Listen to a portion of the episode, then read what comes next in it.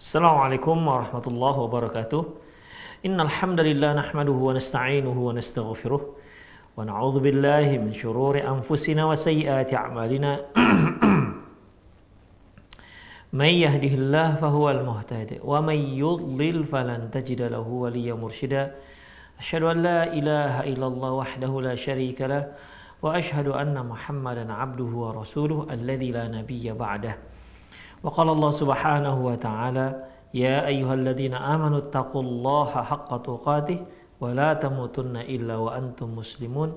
وقال عز من قال يا أيها الذين آمنوا اتقوا الله وقولوا قولا سديدا. يصلح لكم أعمالكم ويغفر لكم ذنوبكم.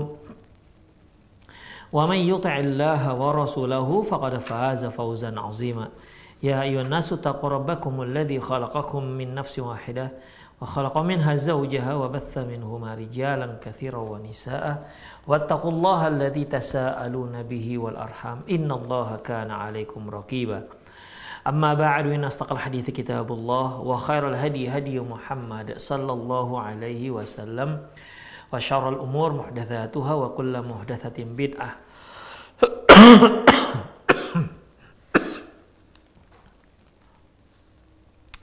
وكل بدعة ضلالة. wa kulla dhalalatin finnar. Kaum muslimin dan kaum muslimat, para pemirsa Rosa TV di mana pun Anda berada, Alhamdulillah kembali kita bertemu dalam acara kajian kitab, di mana kita masih membaca kitab Fikut Tarbiyatil Abna yang ditulis oleh Syekh Mustafa Al-Adawi. Hafizahullah. Ikhwah yang lalu kita telah belajar di kajian lalu ya beberapa poin seperti uh, bolehnya mengambil harta dari seorang suami atau ayah jika memang ayah tersebut sanggup. Sanggup memberi memberikan uh, memberikan uh, nafkah yang tidak cukup untuk keluarganya ya padahal dia sanggup untuk memberikannya boleh diambil dari sebagian hartanya yang secukupnya. Sebagaimana dengan dalil-dalil yang telah kita sebutkan. Demikian juga seorang ayah tidak boleh memberi uh, berwasiat ya memberikan wasiat kepada uh, kepada orang lain ya melebihi dari lebih dari hartanya dari hartanya lebih daripada sepertiga. Dan itu pun kata Rasulullah fathulun kathir uh, sepertiga itu pun sebenarnya sudah banyak. Jadi dalam masalah ini tentunya ahli warisnya lebih berhak terhadap harta dia ya ketimbang orang lain. Dan bahkan Rasulullah Sallallahu Alaihi Wasallam pernah menegur uh, Sa'ad bin Waqqas, Sa'ad bin Abi Waqqas di mana dia ingin uh, uh, ingin berwasiat, berwasiat ingin menginfakkan seluruh harta kekayaannya. Padahal dia memiliki anak anak perempuan. Selanjutnya ikhwah, wala warisin. Tidak ada wasiat untuk ahli waris. Qad ja'a Rasulullah sallallahu alaihi wasallam annahu qala bahwasanya Rasulullah sallallahu alaihi wasallam bersabda, "Inna Allah qad a'ta kulli dhi haqqin haqqah, fala wasiyata liwarithin." Sesungguhnya Allah Subhanahu wa taala telah memberikan masing-masing orang haknya. Memberikan hak kepada masing-masing yang berhak. Oleh karena itu, tidak ada wasiat untuk ahli waris. Maksudnya bagaimana ikhwah? Sebagaimana sudah kita maklumi bahwasanya seorang yang memiliki harta, seorang memiliki harta, namun ketika nyawanya ataupun ketika dia meninggal dunia, maka otomatis hartanya ini akan berpindah hak milik kepada kerabat-kerabat terdekatnya. Itu sudah otomatis. Tanpa ada serah terima. Ya, sudah otomatis haknya tersebut, hak kepemilikan hartanya tersebut langsung berpindah secara otomatis kepada kerabat-kerabat terdekatnya atau kepada ahli warisnya. Oleh karena itu, ya, oleh karena itu Allah Subhanahu wa taala mengatur masing-masing hak ahli waris ini. Seperti kalau istri, kalau suami yang meninggal dan suami punya anak, istri dapat seperlapan. Kalau sua, kalau tak punya anak, maka dia dapat seperempat. Kemudian jatah anak laki-laki sama dengan dua sama dengan dua kali jatah anak perempuan lidzakari hadzil unsayain. Demikian juga ayah. Ayah itu kalau seandainya ada anak dia dapat berapa? Intinya masing-masing ahli waris itu sudah diberi jatahnya masing-masing. Dan Allah Subhanahu wa taala yang menentukan jatah-jatah tersebut. Oleh karena itu ya oleh karena itu, ketika seorang akan meninggal dunia, dia tidak boleh memberikan wasiat kepada ahli warisnya karena masing-masing ahli waris ini sudah ditentukan jatahnya. Allah yang langsung menentukan jatah-jatah mereka. Berapa persen mereka dapat dari harta yang ditinggalkan oleh si mayit. Makanya la wasiyata li ahli waris. Tidak ada wasiat di ahli waris. Dengan artian apabila ada seorang sebelum meninggal dia telah berwasiat untuk salah seorang ahli warisnya, maka wasiat tersebut batal, tidak boleh dilaksanakan. Contohnya ikhwah, Allah Subhanahu wa taala telah menyebutkan tentang jatah anak kandung. Ya. Di mana anak kandung itu kalau anak laki-laki ayahnya meninggal, maka dia mendapatkan asobah. Dia mendapatkan sisa harta. Demikian ikhwah. Taib. Atau seperti yang kita katakan tadi, seorang istri kalau si suami yang meninggal punya anak, dia dapat seperlapan. Kalau dia nggak punya anak, si istri dapat seperempat itu ketentuan jatah yang Allah sudah tentukan.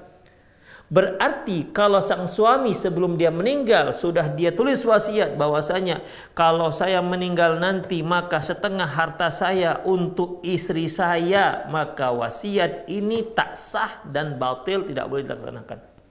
Kenapa? Karena Allah sudah tentukan jatah sang istri ketika suami meninggal dunia. Demikian ikhwah. Ya tidak boleh dilaksanakan wasiatnya. Kecuali kalau wasiat-wasiat yang tidak melanggar syar'i, ya. Jika wasiat tak melanggar syar'i, maka wajib untuk dilaksanakan. Bahkan wasiat itu yang terlebih dahulu untuk dilaksanakan. Misalnya nih, se uh, seorang seorang yang akan meninggal dunia dia berwasiat bahwasanya uh, bahwasanya saya berwasiat uh, misalnya seperempat dari harta saya untuk anak angkat saya misalnya si fulan. Taib meninggallah si meninggallah si ayah angkat ini. Maka sebelum dibagi-bagikan harta tersebut untuk ahli waris yang pertama yang harus dilakukan adalah harta tersebut digunakan untuk harta tersebut digunakan untuk keperluan penyelenggaraan jenazah jika memang di sana tidak ada yang berinfak untuk itu. Yang kedua, untuk membayar hutang piutang. Walaupun sampai habis hartanya, tidak ada lagi yang tersisa untuk ahli waris, maka tetap hutang harus dilaksanakan dahulu. Diselesaikan terlebih dahulu. Yang ketiga, wasiatnya. Ya, yang ketiga, wasiatnya. Jadi yang tadi wasiatnya adalah sepertiga hartanya, seperempat hartanya untuk anak angkatnya si Fulan, maka kita lihat Fulan ini anak angkat. Betul nggak dia anak angkat? Kalau memang dia anak angkat dan anak angkat tersebut tidak berhak untuk mendapatkan ahli waris. Karena anak angkat bukan ahli waris. Berarti la wasiat ali ahli waris. Tidak ada wasiat untuk ahli waris. Berhubung anak angkat bukan termasuk ahli waris, berarti wasiatnya sah. Tapi kalau dia berwasiat nanti kalau saya meninggal maka setengah harta saya untuk anak saya yang nomor satu maka nggak sah. Kenapa? Karena anak itu ada jatahnya yang telah ditentukan oleh Allah Subhanahu Wa Taala dari ah, ahli waris, dari harta warisan ayahnya. Demikian ikhwah. Berarti anak angkat boleh, ya. Anak angkat boleh mendapat wasiat dari ayah angkatnya. Yang kedua, Apakah jumlahnya itu melebihi dari sepertiga? Jika jumlahnya melebihi sepertiga, maka nggak sah dan hanya boleh diberikan sepertiga. Itu pun sudah banyak kata Rasulullah SAW. Kathir yang sepertiga itu pun sebenarnya sudah sudah banyak. Demikian ikhwah. Atau dia berwasiat kalau saya meninggal nanti maka uh, uang saya se seperempat untuk pembangunan masjid, silahkan nggak ada masalah. Demikian ikhwah rahimanallahu ikum. Setelah wasiat sudah diberikan orang-orang yang apa yang diwasiatkan sudah diselesaikan, maka sisanya itulah baru di dibagi-bagikan kepada ahli waris sesuai dengan jatah yang telah Allah Subhanahu wa taala tentukan. Allah Rasulullah mengatakan Inna Allah qad a'ta kulladhi haqqin haqqah. Sesungguhnya Allah Subhanahu wa taala telah memberikan masing-masing hak kepada yang berhak fa'ati kulli dhi haqqin haqqah kulli haqqin haqqah maka berikanlah kepada uh, fala warsiyata li warisin maka tidak ada wasiat untuk ahli waris. Hadis diriwayatkan oleh Imam Abi Daud dan Imam Tirmidzi. Waqad naqalat Qurtubiyyu al-ijma' ala anna al-wasiyata li warisin la tajuz dan Imam Qurtubi menyatakan ijma' sepakat para ulama bahwasanya wasiat untuk ahli waris itu tidak dibolehkan. Ya alias kita katakan batil. Ya, tidak sah. Qultu fa'ala hadha la yajuzu li ahadin ayyusiya ayyusiya li ba'di abna'ihi bi syai'in ya'khudunahu ba'da mautih. Atas dasar ini maka tidak boleh atas tidak boleh bagi siapa pun berwasiat untuk sebahagian anak-anaknya untuk mendapatkan harta yang dia ambil setelah kematiannya. Gak dibolehkan. Tidak boleh uh, seorang itu berwasiat ya untuk memberikan sejumlah harta kepada anak-anaknya setelah dia meninggal. Gak dibolehkan. Fal abna'u warathatun fala wasiyat. Karena anak itu termasuk ahli waris dan tidak ada wasiat untuk ahli waris. Demikian ikhwah rahimani Allah wa iyyakum. Walirrajuli ayyakhussa ba'dha abnaihi aw banatihi bisirrin duna azwajihi. Seorang itu boleh mengkhususkan rahasia pada beberapa anaknya, pada anak-anaknya yang tidak diberitahukan kepada istrinya. Misalnya seorang suami punya rahasia. Ya rahasia. Dia boleh memberitahukan rahasia ini kepada anaknya dan tidak memberitahukannya kepada istrinya. Demikian. Itu suatu hal yang sah-sah saja ikhwah. Jadi artinya apabila ibu yang mendengar para ibu yang mendengar para umat yang mendengar atau akhwat yang mendengar yang mendengar uh, siaran ini di mana suaminya itu memberikan memberikan sebuah rahasia kepada anak-anaknya. Sementara dia sebagai istri tidak diberitahu rahasia ini. Maka dia jangan marah. Karena hal itu dibolehkan. Demikian. Tidak bisa dia katakan bang saya ini istri abang. Kenapa rahasia abang itu tidak kasih tahu ke saya? Kenapa kau malah ke anak-anak yang abang kasih tahu? Saya nggak dikasih tahu. Itu bukan sebuah alasan untuk marah. Untuk tersinggung untuk galau tidak dibolehkan karena Rasulullah SAW pernah melakukan hal itu. Taib. Al-waladu al bintu mimma yahfadhu asir di mana boleh seorang kepala rumah tangga memberitahukan sebuah rahasia kepada anak laki-lakinya atau kepada anak perempuannya yang memang mereka mampu menyimpan rahasia. Baik. Akhrajal Bukhari wa Muslim diriwayatkan oleh Imam Bukhari dan Muslim min hadis Aisyah radhiyallahu anha. Berdasarkan hadis Aisyah radhiyallahu anha qalat dia berkata aqbalat Fatimah tamshi ka'ain ka'ayyam ka'anna masyataha masyan Nabi sallallahu alaihi wasallam. Datang Fatimah berjalan kaki dan jalan kakinya persis seperti jalannya Rasulullah sallallahu alaihi wasallam. Faqala an-nabiy marhaban ya ibnati. Nabi pun berkata Selamat datang wahai putriku. Summa ajlasaha an yaminihi aw an shimalihi. Kemudian dia pun mempersilahkan Fatimah untuk duduk di sebelah kanan beliau atau sebelah kiri beliau. Summa asarra ilayya hadithan. Kemudian Rasulullah mengucapkan satu rahasia kepada kepada Fatimah. Fabakat. Mendengar rahasia itu Fatimah pun menangis terseduh-seduh. Fakultulah halimah tabakin. Aisyah bertanya kepada Fatimah, "Eh, kenapa kamu menangis?" Summa asarah ilayya hadisan fadhahikat. Kemudian tak lama kemudian Rasulullah SAW memberikan memberitahukan sesuatu juga, sesuatu yang lain kepada Fatimah. Fadhahikat, tapi kali ini malah dia tertawa. Jadi yang pertama Rasulullah bisikkan sesuatu kepada Fatimah. Fatimah nangis setelah itu. Kemudian beliau bisikkan lagi.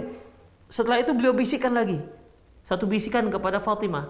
Ini malah dia tertawa. Ini kan tentunya orang yang berada di majelis tersebut merasa aneh. Loh, tadi nangis, tiba-tiba tiba-tiba tertawa. Apa yang terjadi sebenarnya dan apa yang dibisikkan Rasulullah sallallahu alaihi wasallam? Ya tentunya ini kan membuat orang menjadi kepo kan, menjadi orang melihat tersebut menjadi ingin tahu kenapa kok tadi nangis dibisikkan lagi kemudian tertawa apa apa bisikan tersebut Kemudian fakultu ma raaitu kal yaumi farhan aqrabu min huznin. Dia berkata, aku tidak melihat ada orang yang antara nangis dan tertawanya dalam waktu yang berdekatan. Kemudian fasal tuha amma qal. Lantas tanya Fatimah, apa yang dibisikkan Rasulullah? Faqalat, lantas berkata Fatimah, asarra ilayya uh, berkata Fatimah, "Ma kuntu li ufshi sirran Nabi sallallahu alaihi wasallam." Aku tidak ingin membocorkan rahasia Nabi sallallahu alaihi wasallam. Kemudian, hatta qubidan Nabi sallallahu alaihi wasallam fasaltuha. Dan hingga akhirnya wafatlah Rasulullah sallallahu alaihi wasallam dan aku pun kembali bertanya tentang hal itu tentang yang bisikan yang pernah Rasulullah bisikan kepada Fatimah.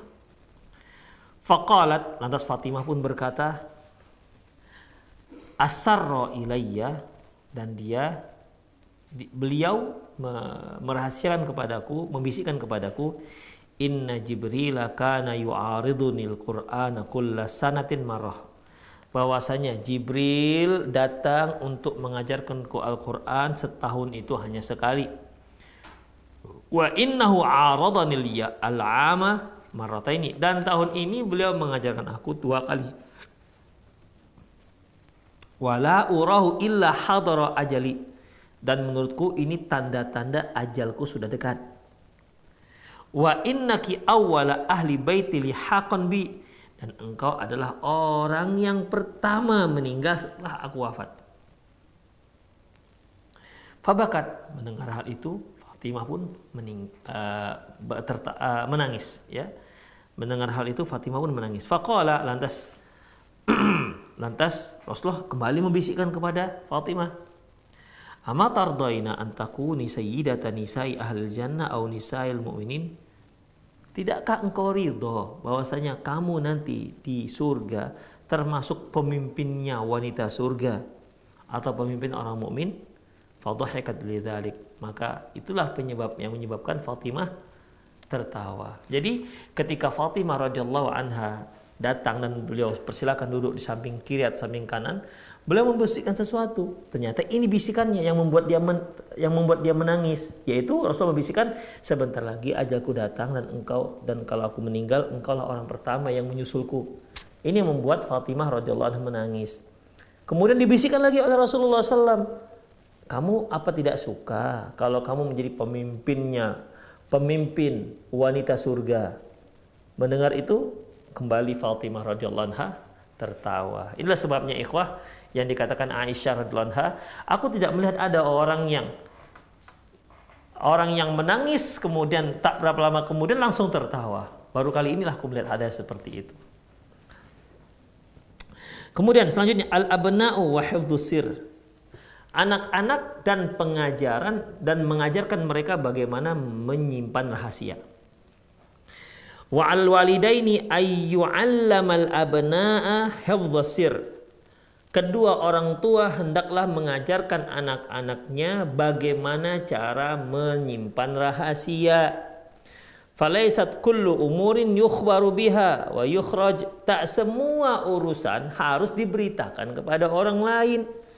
Walaisat kullul asrari tufsha dan tidak semua rahasia itu harus disebarkan fayu'allam walad fa'allim waladak hifdhus sir ajarkan anak anda bagaimana cara me menyimpan rahasia. Wala tukrihuhu wala tukrihuhu ala ifsail asrar dan jangan kamu paksa mereka untuk membocorkan rahasia. Demikian ikhwah rahimanallah wa iyyakum. Akhrajal akhrajal Imam Muslim fi sahihi an Anas radhiyallahu anhu diriwayatkan oleh Imam Muslim dalam kitab sahihnya dari Anas bin Malik radhiyallahu anhu qala dia berkata ata alayya Rasulullah sallallahu alaihi wasallam wa ana ala abu ma'al ghilman. Kata Anas bin Malik Rasulullah sallallahu alaihi wasallam mendatangiku di saat aku itu bermain-main dengan anak-anak yang lain. Fahabasak uh, kemudian qala sal fasallama alaina. Kemudian beliau pun mengucapkan salam kepada kami faba'athani ila hajatin dan beliau pun menyuruh aku untuk satu keperluan. Fa'abata'tu ala ummi. Hingga aku pun akhirnya terlambat pulang. Ya, terlambat pulang. Jadi Anas bin Malik ini bermain dengan anak-anak. Kemudian waktu itu ketemulah dia dengan Rasulullah dan Rasulullah menyuruh dia untuk melakukan sesuatu. Dah. Akhirnya karena dia akhirnya karena dia melakukan apa yang diinginkan Rasulullah SAW, akhirnya dia terlambat pulang ke rumah. Kemudian falamma jitu faqalat ma habasak. Ketika aku pulang, ya ibu pun bertanya. Ya biasalah kan orang tua standar kalau seandainya anaknya pulangnya kemalaman, kenapa kamu pulang kemalaman? Kan begitu. Kalau dia pulang sekolah, uminya tahu ataupun ibunya tahu kalau dia pulang sekolah itu jam 10, jam 12 siang misalnya Terus kok dia mas, dia pulang sampai ke rumah itu maghrib? Kenapa kok terlalu sore? Ada apa begitu? Kan biasa ya orang tua yang bertanya seperti itu. Sama lah seperti ini Anas bin Malik. Ketika dia terlambat pulang, ibunya Ummu Ummu Ummu, Ummu Salamah, eh, ibu, ibunya Ummu Sulaim bertanya, "Kamu kenapa terlambat pulang? Apa yang terjadi? Apa masalahnya?" Itulah ikhwah. Kemudian kutu ba'athani Rasulullah SAW lihajatin. Oh, ini Umi gitu bahasa kita ya. Gini imu, gini Umi bahwasanya tadi saya disuruh Rasulullah SAW untuk suatu keperluan. Faqala ma hajatuh. Ibunya bertanya, apa keperluan Rasulullah rupanya? Beliau suruh apa? Kultu innahu sirrun. Lantas aku berkata kepada ibuku, Ya ummi, ini rahasia Rasulullah sallallahu alaihi wasallam. Qalat la tuhaddithanna bi sirrin Nabi sallallahu alaihi wasallam ahadan. Kalau begitu jangan kamu bocorkan rahasia Rasulullah sallallahu alaihi wasallam dengan siapa pun. Jadi di sini ikhwah rahimanallahu wa qala Anas wallahi law haddathtu bihi ahadan la haddathtuka ya Thabit.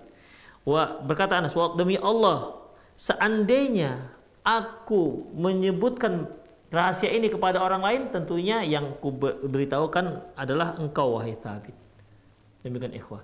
Jadi di sini kita lihat bagaimana Ummu Sulaim mengajarkan anaknya untuk me menyimpan rahasia.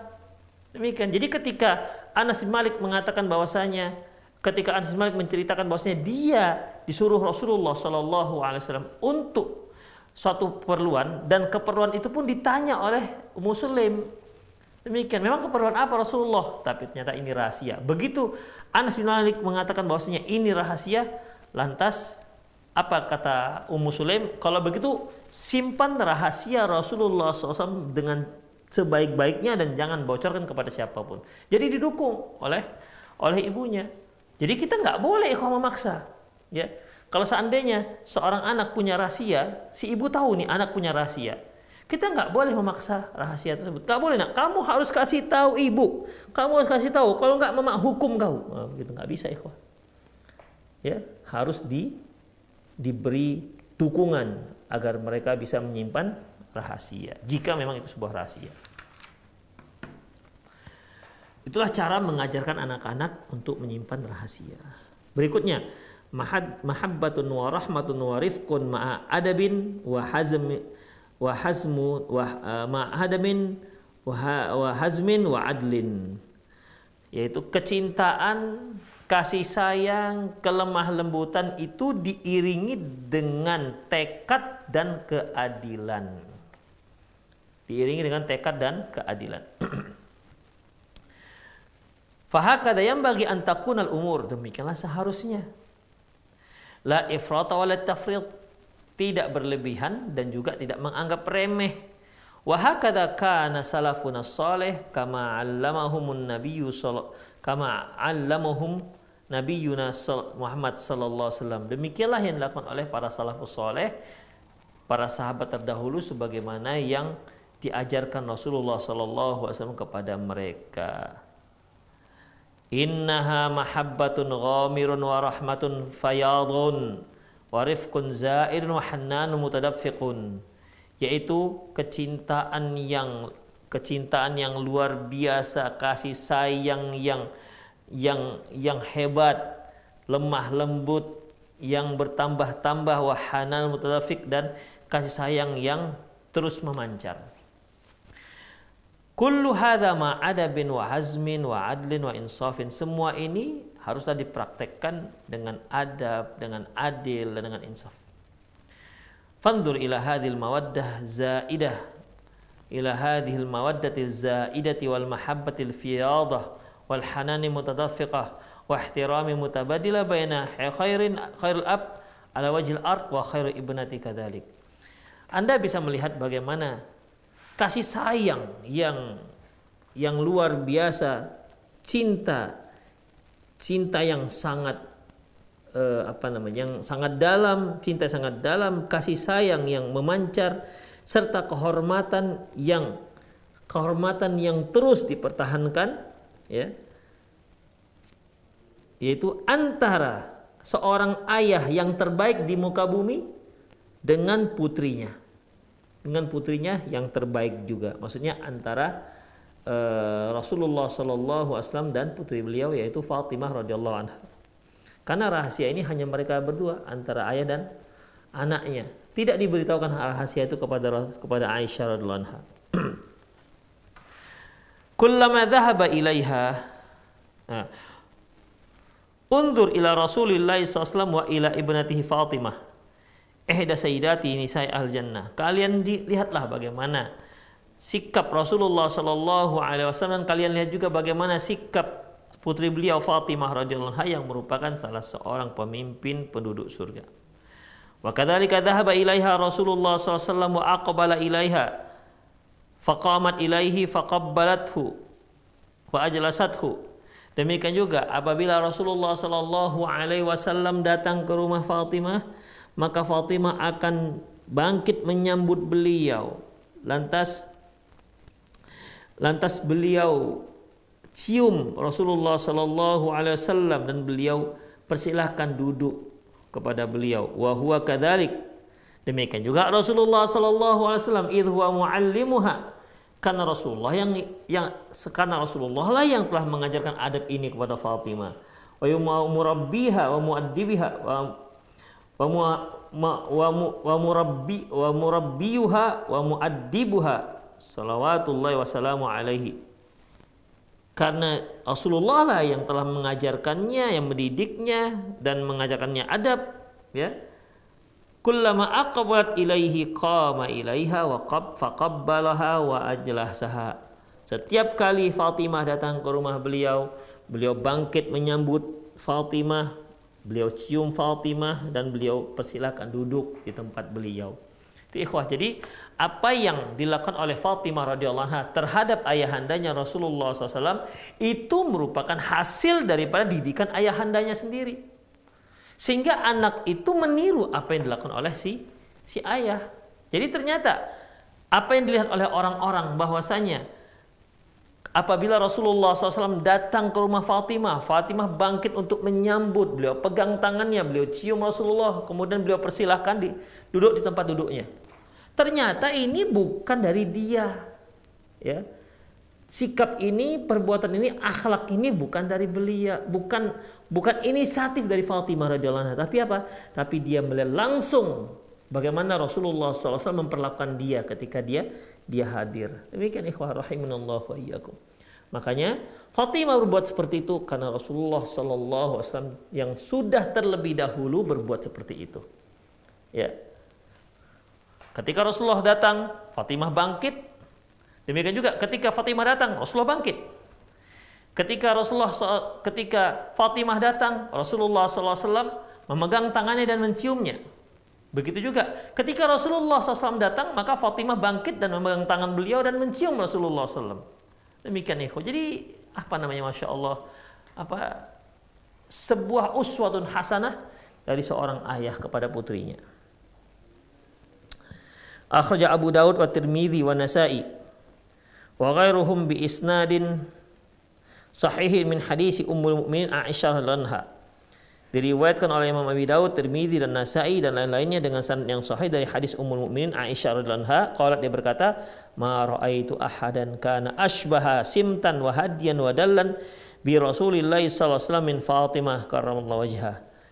Apa kata Aisyah radhiyallahu anha? Aku tidak pernah, aku tidak ada melihat orang yang sangat persis dengan Rasulullah Sallallahu Alaihi Wasallam, ya. Uh, apakah aku tidak pernah melihat ada orang yang persis dengan Rasulullah Sallallahu Alaihi Wasallam selain Fatimah. Karena apa? Ikhwah persisnya itu dia persis dari sisi dari sisi dari sisi penampakannya, sisi fisiknya, dari jalannya dan dari semua tingkah lakunya. Aku kata Aisyah radhiyallahu anha, aku tidak pernah aku tidak pernah melihat ada seorang yang fisiknya, jalannya, tingkah lakunya, akhlaknya yang persis dengan Rasulullah sallallahu alaihi wasallam eh, seperti Fatimah. Yang persis seperti Fatimah. Jadi Fatimah lah yang paling persis dengan Rasulullah SAW. Bukan hanya fisik. Kalau fisik kita kita kita katakan ya semua orang ya ya bisa seperti itu. Anak biasa mirip dengan ayahnya, anak biasa mirip dengan dengan dengan ibunya dan kemiripan ini tidak ada tidak ada pelajarannya. Kalau kemiripan fisik itu nggak ada pelajarannya. Demikian ikhwah. Dan tidak ada pahalanya juga kalau kita kalau kalau ternyata fisik kita seperti Rasulullah SAW, nggak ada pahalanya juga. Tapi mengenai cara berjalan, mengenai akhlak tingkah laku, ini kan harus belajar ikhwah. Ya. Sikap-sikap bagaimana cara menerima tamu, sikap-sikap kita terhadap kedua orang tua kita, apalagi kalau orang tua kita yang sudah sudah renta, yang sudah pikun. Demikian ikhwah rahimunallah. Itu perlu belajar seluruhnya. Ya. Karena sebagian orang bisa saja dia menganggap bahwasanya ibunya yang sudah tua renta dia merasa cara berbakti kepada ibunya tersebut ya di, dia dititipkan kepada asuhan jompo. Mungkin itu yang menurut dia cara berbakti kepada orang tua yang sudah tua. Demikian ikhwah dan Islam tak mengajarkan seperti itu.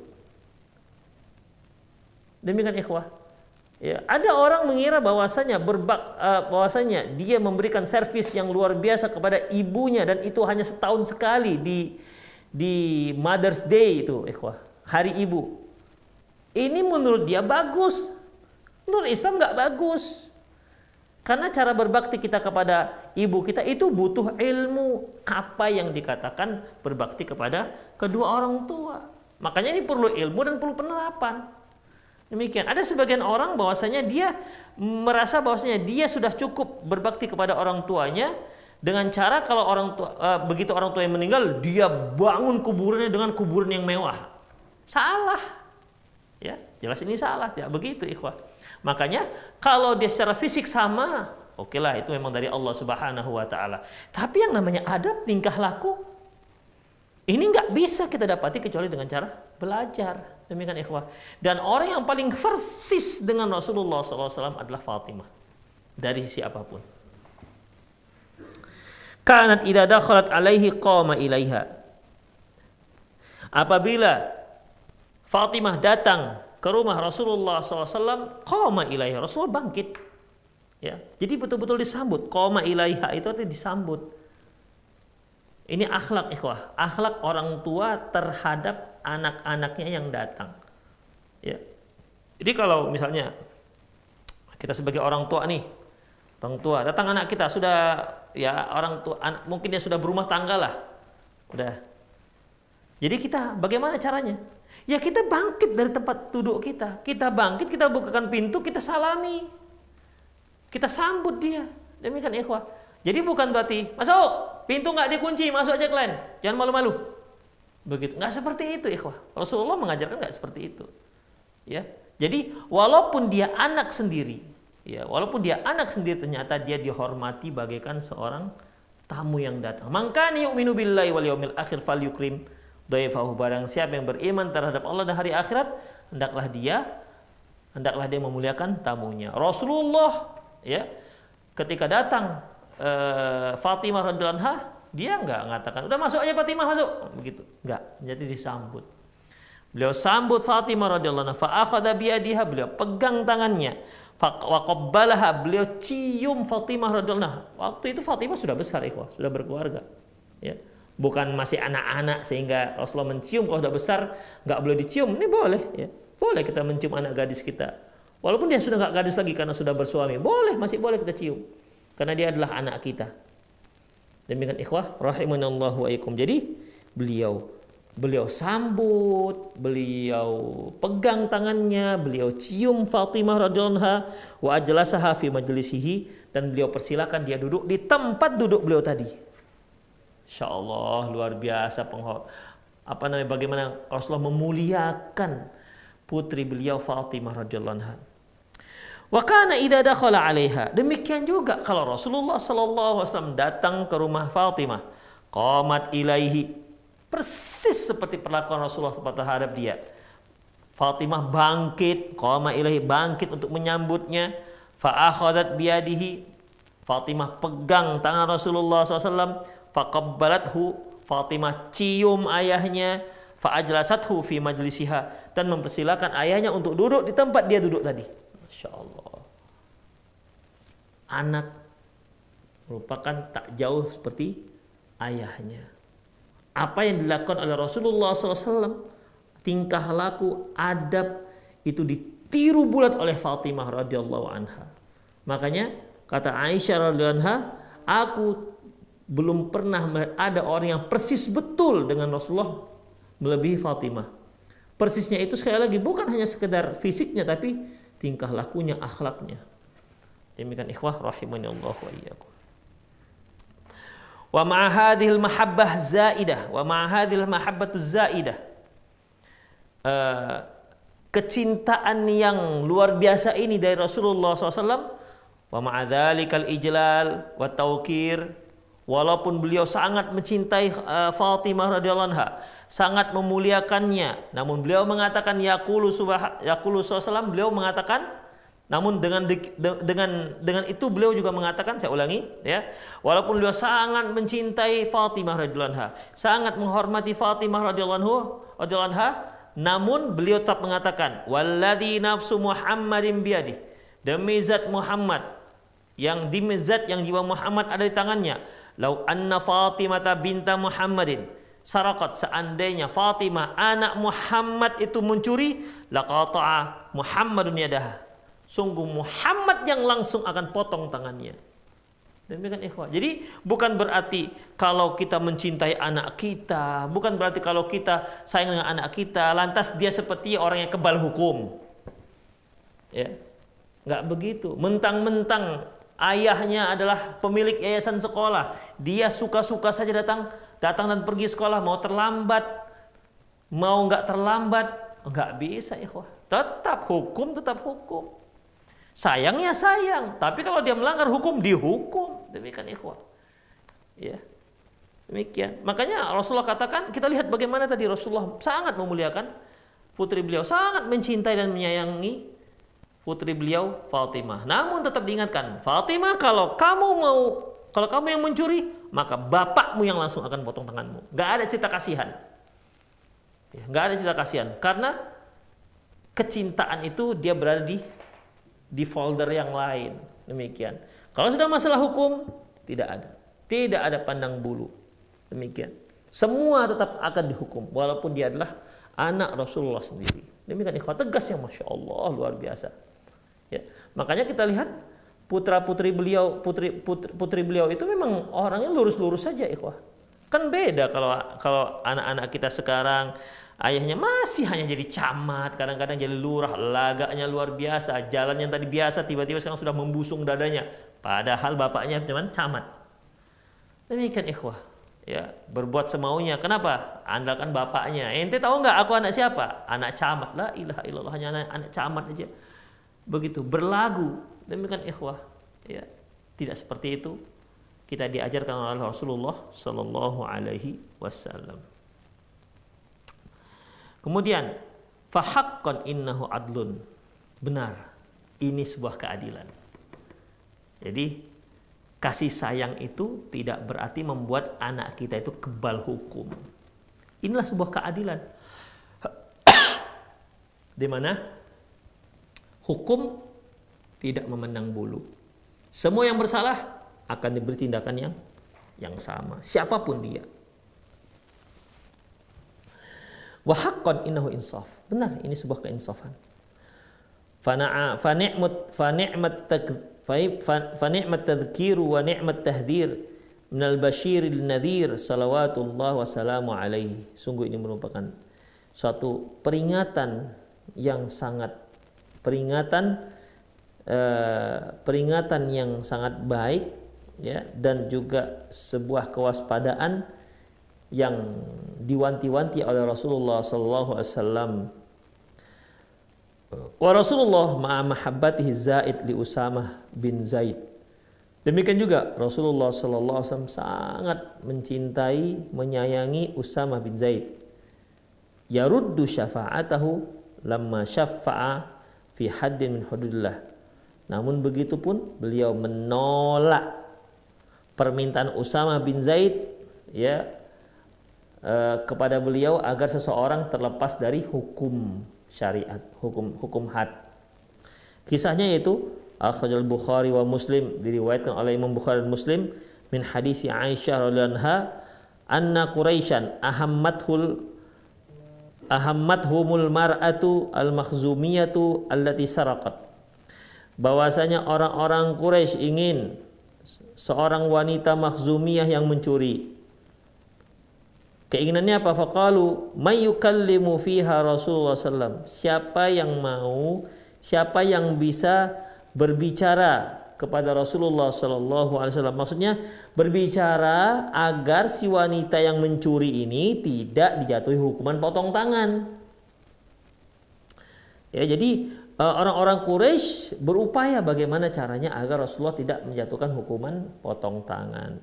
Maka ikhwah mereka tunjuklah Usama bin Zaid untuk meminta syafaatnya. Kemudian Wa may yajtari'u alaihi illa Usama hubbu Rasulullah. Apakah ada orang yang lebih berani untuk perkara tersebut selain Usama? Usama orang yang dicintai oleh Rasulullah. Kemudian fakallama Rasulullah sallallahu alaihi wasallam. Akhirnya Usama pun karena sudah ditunjuk kaumnya seperti itu, ya beliau pun bicara berbicara dengan Rasulullah SAW. Faqala lantas Rasulullah mengatakan atashfa'u fi haddin min hududillah apakah kamu ingin memberi syafaat agar mereka tidak menjatuhi hukuman kata Rasulullah SAW Summa qama fa khadaba. Lantas beliau pun bangkit dan berkhutbah. Apa kata beliau? Ayyuhan nas, wahai sekalian manusia, innama dhalla man kana qablakum annahum kanu idza saraqa fihim syarifu tarakuhu. Sesungguhnya umat-umat sebelum kalian itu sudah sesat. Sesungguhnya umat kalian, umat sebelum kalian itu adalah umat yang sesat. Kenapa? Apabila orang terhormat mereka mencuri, mereka biarkan saja. Tidak dihukum kebal hukum. Wa idza saraqad dha'ifu fihim aqamu 'alal had. Namun apabila orang yang lemah di antara mereka ya, orang lemah di antara mereka yang mencuri, maka mereka laksanakan hukuman potong tangannya. Demikian ikhwah. Wa aimallahu anna Fatimah binta Muhammadin saraqat laqata Muhammadun yadah. Demi Allah seandainya Fatimah yang mencuri, maka aku yang langsung potong tangannya. Demikian ikhwah rahimahnya Allah wa iyyakum. Jadi di sini ya uh, Usama bin Zaid datang ingin memberi syafaat ngomonglah kepada Rasulullah. Bahasa kita ngelobi Rasulullah supaya ndak usahlah wanita mahzuma mahzumiyah ini dihukum. Ya udah dibiarkan saja begitu. Ternyata Rasulullah SAW menolaknya nggak mau beliau. Ya beliau tidak tidak mau. Inilah sebuah keadilan. Demikian. Jadi nggak ada yang namanya back apa backing itu nggak ada yang namanya backing. Demikian. Jadi yang salah hukum.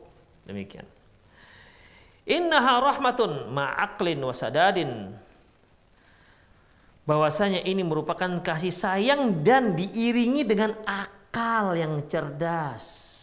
Demikian ikhwah. Dan ditegakkan di atas kebenaran. Demikian.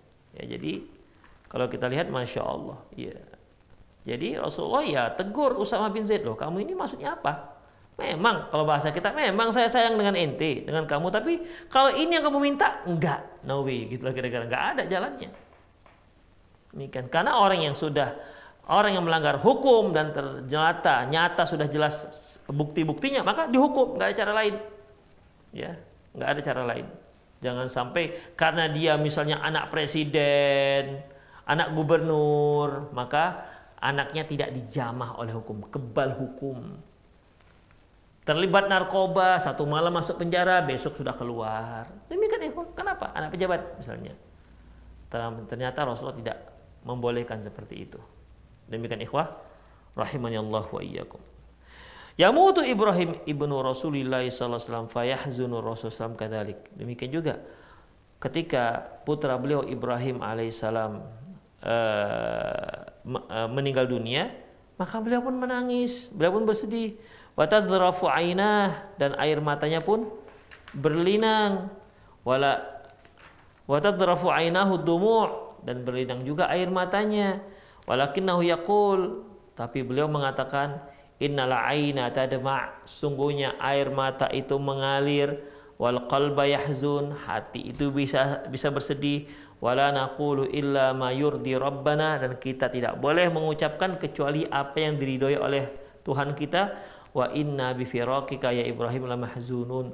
Sungguh kami bersedih dengan perpisahan ini wahai Ibrahim. Demikian ikhwah. Ya jadi walaupun Ibrahim putra beliau yang masih kecil itu meninggal tetap saja beliau beliau mengontrol ucapan. Tidak dibolehkan. Kalau masalah sedih ya silahkan. Setiap orang itu wajar. Kalau kalau kekasih hatinya itu meninggal dunia. Tapi jangan sampai orang yang dikasihi meninggal dunia lantas dia teriak-teriak dan melakukan hal-hal yang dilarang oleh syariat demikian ikhwah rahimanallah yang yang intinya bahwasanya yang intinya bahwasanya cinta boleh sayang boleh tapi masalah hukum tetap tegak ya tidak ada pengurangan hukum dengan alasan karena dia adalah uh, anak jaksa misalnya, anak pak hakim, oh nggak ada cerita dalam Islam. Anak hakim sekalipun kalau dia salah potong tangan. Demikian ikhwah rahimani Allah wa iyyakum. Baik, ikhwah itu saja kajian kita pada sore hari ini. Semoga bermanfaat. Aku qouli hadza wa astaghfirullah li wa lakum. muslimin innahu wal ghafurur rahim. Bagi para pemirsa yang ingin bertanya silahkan telepon langsung dengan nomor yang sudah ada di, dalam, di, di, di layar televisi Anda atau Anda juga boleh mengirimkan pertanyaan melalui via WhatsApp dengan nomor yang sama ya silahkan kirimkan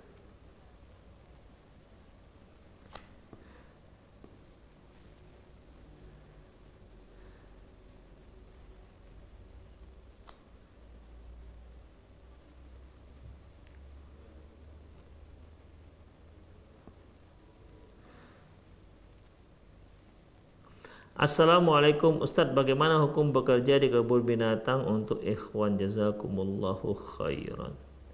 Ikhwan rahimanallahu wa iyyakum. Hukum asalnya boleh. Kerja apa saja kita boleh. Walladzi khalaqalakum ma fil ardi jami'a. Dialah yang telah menciptakan segala sesuatu yang ada di muka bumi ini untuk kalian semuanya. Silahkan kalian explore silahkan ya selama tidak ada hal-hal yang menyalahi syariat, maka silahkan boleh bekerja di kebun binatang. Ya, bekerja di kebun binatang disilahkan saja. Ya, karena kan dia, dia memelihara gitu ya, silahkan. Kecuali kalau di sana ada hal-hal yang tidak di, dibolehkan. tapi kalau kita lihat se, yang se, tergambar dengan saya belum dapat ada perkara yang dilarang. Allahu a'lam bishawab. Assalamualaikum warahmatullahi wabarakatuh. Saya Hana dari Semarang mau bertanya Ustadz kalau ada tetangga yang memiliki pesugihan, kebetulan memiliki usaha mini swalayan, baiknya kita menghindari belanja di toko tersebut atau bagaimana? Misalnya sudah terlanjur belanja di toko tersebut, ikut berusahakah kita karena mereka usahanya tidak halal? Mohon penjelasan. Terima kasih sebelumnya. Ikhwah Kalau dia melakukan pesugihan, ya, maka kan dosanya dosa dia.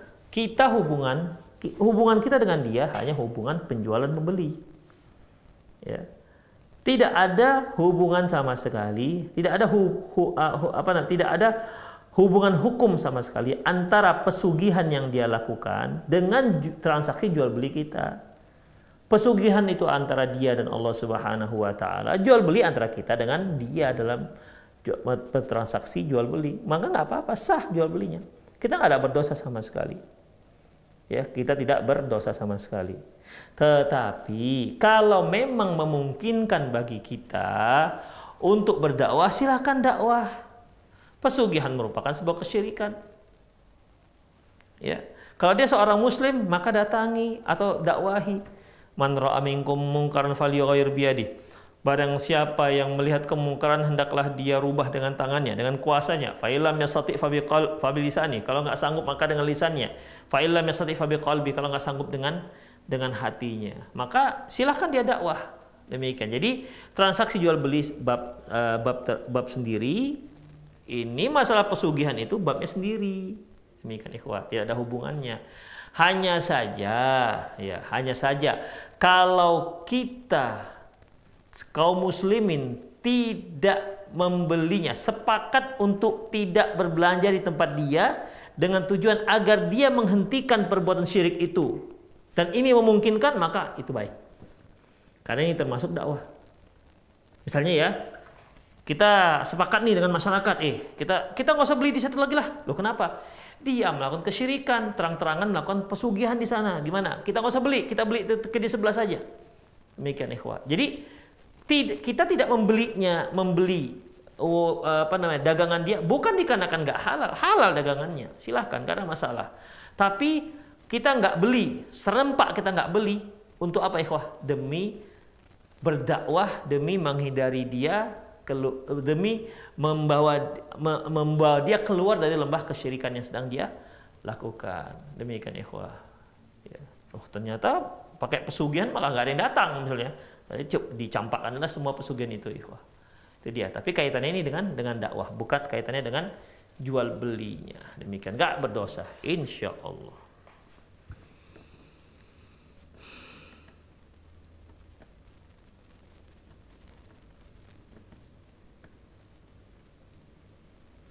Assalamualaikum. Bagaimana hukumnya bersumpah atas nama Allah tetapi melanggar sumpah tersebut? Apakah harus bayar kafarah? Dia harus berpuasa tiga hari dan memberi dan memberi makan fakir miskin ya berpuasa tiga hari atau memberi makan fakir miskin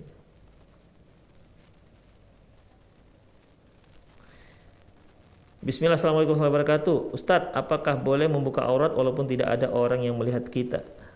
Jazakumullah khairan, barakallahu fiqh. Ya kok enggak apa-apa kalau kita buka aurat nggak ada orang melihat kita. Imam Al-Bukhari rahimahullah meriwayatkan kisah Nabi Musa alaihissalam bersama Bani Israel di mana waktu itu kebiasaan Bani Israel untuk yang laki-laki mandi bareng telanjang tanpa ada busana sama sekali. Namun Nabi Musa alaihissalam tidak pernah mandi bareng dengan mereka. Dia selalu mandi sendiri, menyendiri di tempat lain tanpa dilihat oleh orang-orang Bani Israel. Sehingga orang Bani Israel si Bani Israel ini karena degilnya ikhwah ya. Karena nakalnya karena memang apa ya bahasa kita ingkarnya begitu apa ya akhlaknya memang nggak bagus eh malah mereka menuduh Nabi Musa Nabi mereka menuduh Nabi Musa bahwasanya Musa itu tidak mau mandi dengan kita dikarenakan dia punya sakit ernea tes-tes yang besar itu ikhwah Demikian ikhwah rahimani Allah wa iyyakum. Hingga suatu hari ya ketika Nabi Musa mandi dan melepas seluruh busananya dan dia letakkan di atas batu, ternyata batunya lari. Batunya lari membawa pakaian Nabi Musa alaihissalam dan lari ke hadap. Dan batu tersebut pun dikejar oleh Nabi Musa. Batu ini berlari ke hadapan Bani Israel. Sehingga Bani Israel dan, dan Nabi Musa juga mengejar batu tersebut. Hingga akhirnya dapatlah batu tersebut dan dipukul oleh Nabi Musa alaihissalam. Bani Israel melihat hal itu barulah mereka tahu bahwa saya Nabi Musa itu tidak mandi dengan mereka bukan dikarenakan dia punya penyakit, dia sehat walafiat. Tapi dikarenakan malu, dikarenakan ingin menjaga auratnya. Jadi dari hadis ini jelaslah dapat dapat kita simpulkan bahwasanya boleh nggak ada masalah, ya boleh seorang itu mandi tanpa busana atau tidak berbusana jika tidak ada tidak ada orang yang melihat. Kalaupun ada yang melihat misalnya suami, antar suami istri boleh. Antar suami istri tanpa busana. Demikian ikhwah rahimanallahu wa iyyakum. Jadi intinya kalau kita tak berbusana atau sedang menanggalkan semua busana kita maka dibolehkan ya selama tidak terlihat oleh orang lain. Allahu alam bisawab.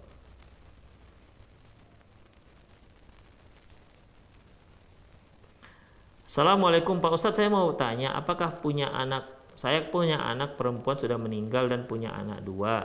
Apakah saya sudah apakah anak saya anak saya yang sudah meninggal tersebut punya hak warisan? Apakah cucu dari anak juga ada haknya? Mohon jawaban cukron. Wassalamualaikum hamba Allah dari Cipedak Jakarta. Ikhwah rahimanallahu wa iyyakum para pemirsa yang mudah-mudahan dirahmati oleh Allah Subhanahu wa taala mengenai ahli waris ahli waris yang berhak mendapatkan harta warisan. Ya, ahli waris yang berhak mendapat harta warisan di antaranya yaitu yang yang tidak berbeda agama la yatawarathani baina ahli millatain kata Rasulullah tidak saling mewarisi orang yang berada yang berbeda agama yang kedua, dia hidup di saat yang punya harta warisan itu meninggal dunia. Dia hidup, misalnya seperti ini. Ada anak perempuannya. Ya, ketika ayah atau ibunya meninggal atau ketika ayahnya meninggal, dia ada dan dia belum belum belum meninggal dunia, maka dapatlah dia harta warisan ayahnya. Tapi kalau dia sudah meninggal dunia lebih dahulu, ya sebenarnya bukan dia menunggu harta warisan ayahnya, bahkan ayahnya lah yang berhak mendapat harta warisan dari anak perempuannya itu di saat anak perempuan itu meninggal dunia. Demikian ikhwah. Dan jika ayahnya meninggal, maka dia tidak mendapat. Otomatis anaknya tidak mendapat. Ya, karena yang mendapat itu kalaupun kalau seandainya ayahnya duluan meninggal kemudian barulah meninggal anak perempuannya, maka cucu dari anak perempuan ini, anak daripada anak perempuan ini atau cucu yang meninggal itu, itu pun yang dia dapati adalah yang yang dia dapati adalah jatah ayahnya atau jatah ibunya. Demikian ikhwah. Misalnya nih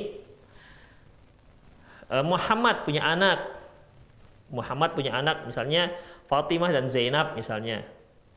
Ya Zainab punya anak dua. Zainab meninggal punya anak dua. Kemudian eh, apa namanya? Kemudian meninggallah si Muhammad. Berarti meninggallah si Muhammad meninggalkan dua anak Zainab dan dan Fatimah. Tapi Zainab sudah meninggal duluan. Maka ikhwah Zainab nggak dapat karena dia sudah meninggal duluan. Kalaupun sudah apa namanya uh, kalaupun Zainab belum meninggal maka anak Muhammad meninggal kemudian baru Fatih baru Zainab yang meninggal maka anaknya pun hanya mendapat jatah ibunya Zainab tapi ini Zainab sudah lebih dahulu meninggal ketimbang ayahnya maka Allahu alam bisawab salah satu syarat mendapatkan mendapatkan harta warisan belum terpenuhi yaitu dia hidup ketika si mayat si pemilik pemilik harta warisan itu meninggal di dunia.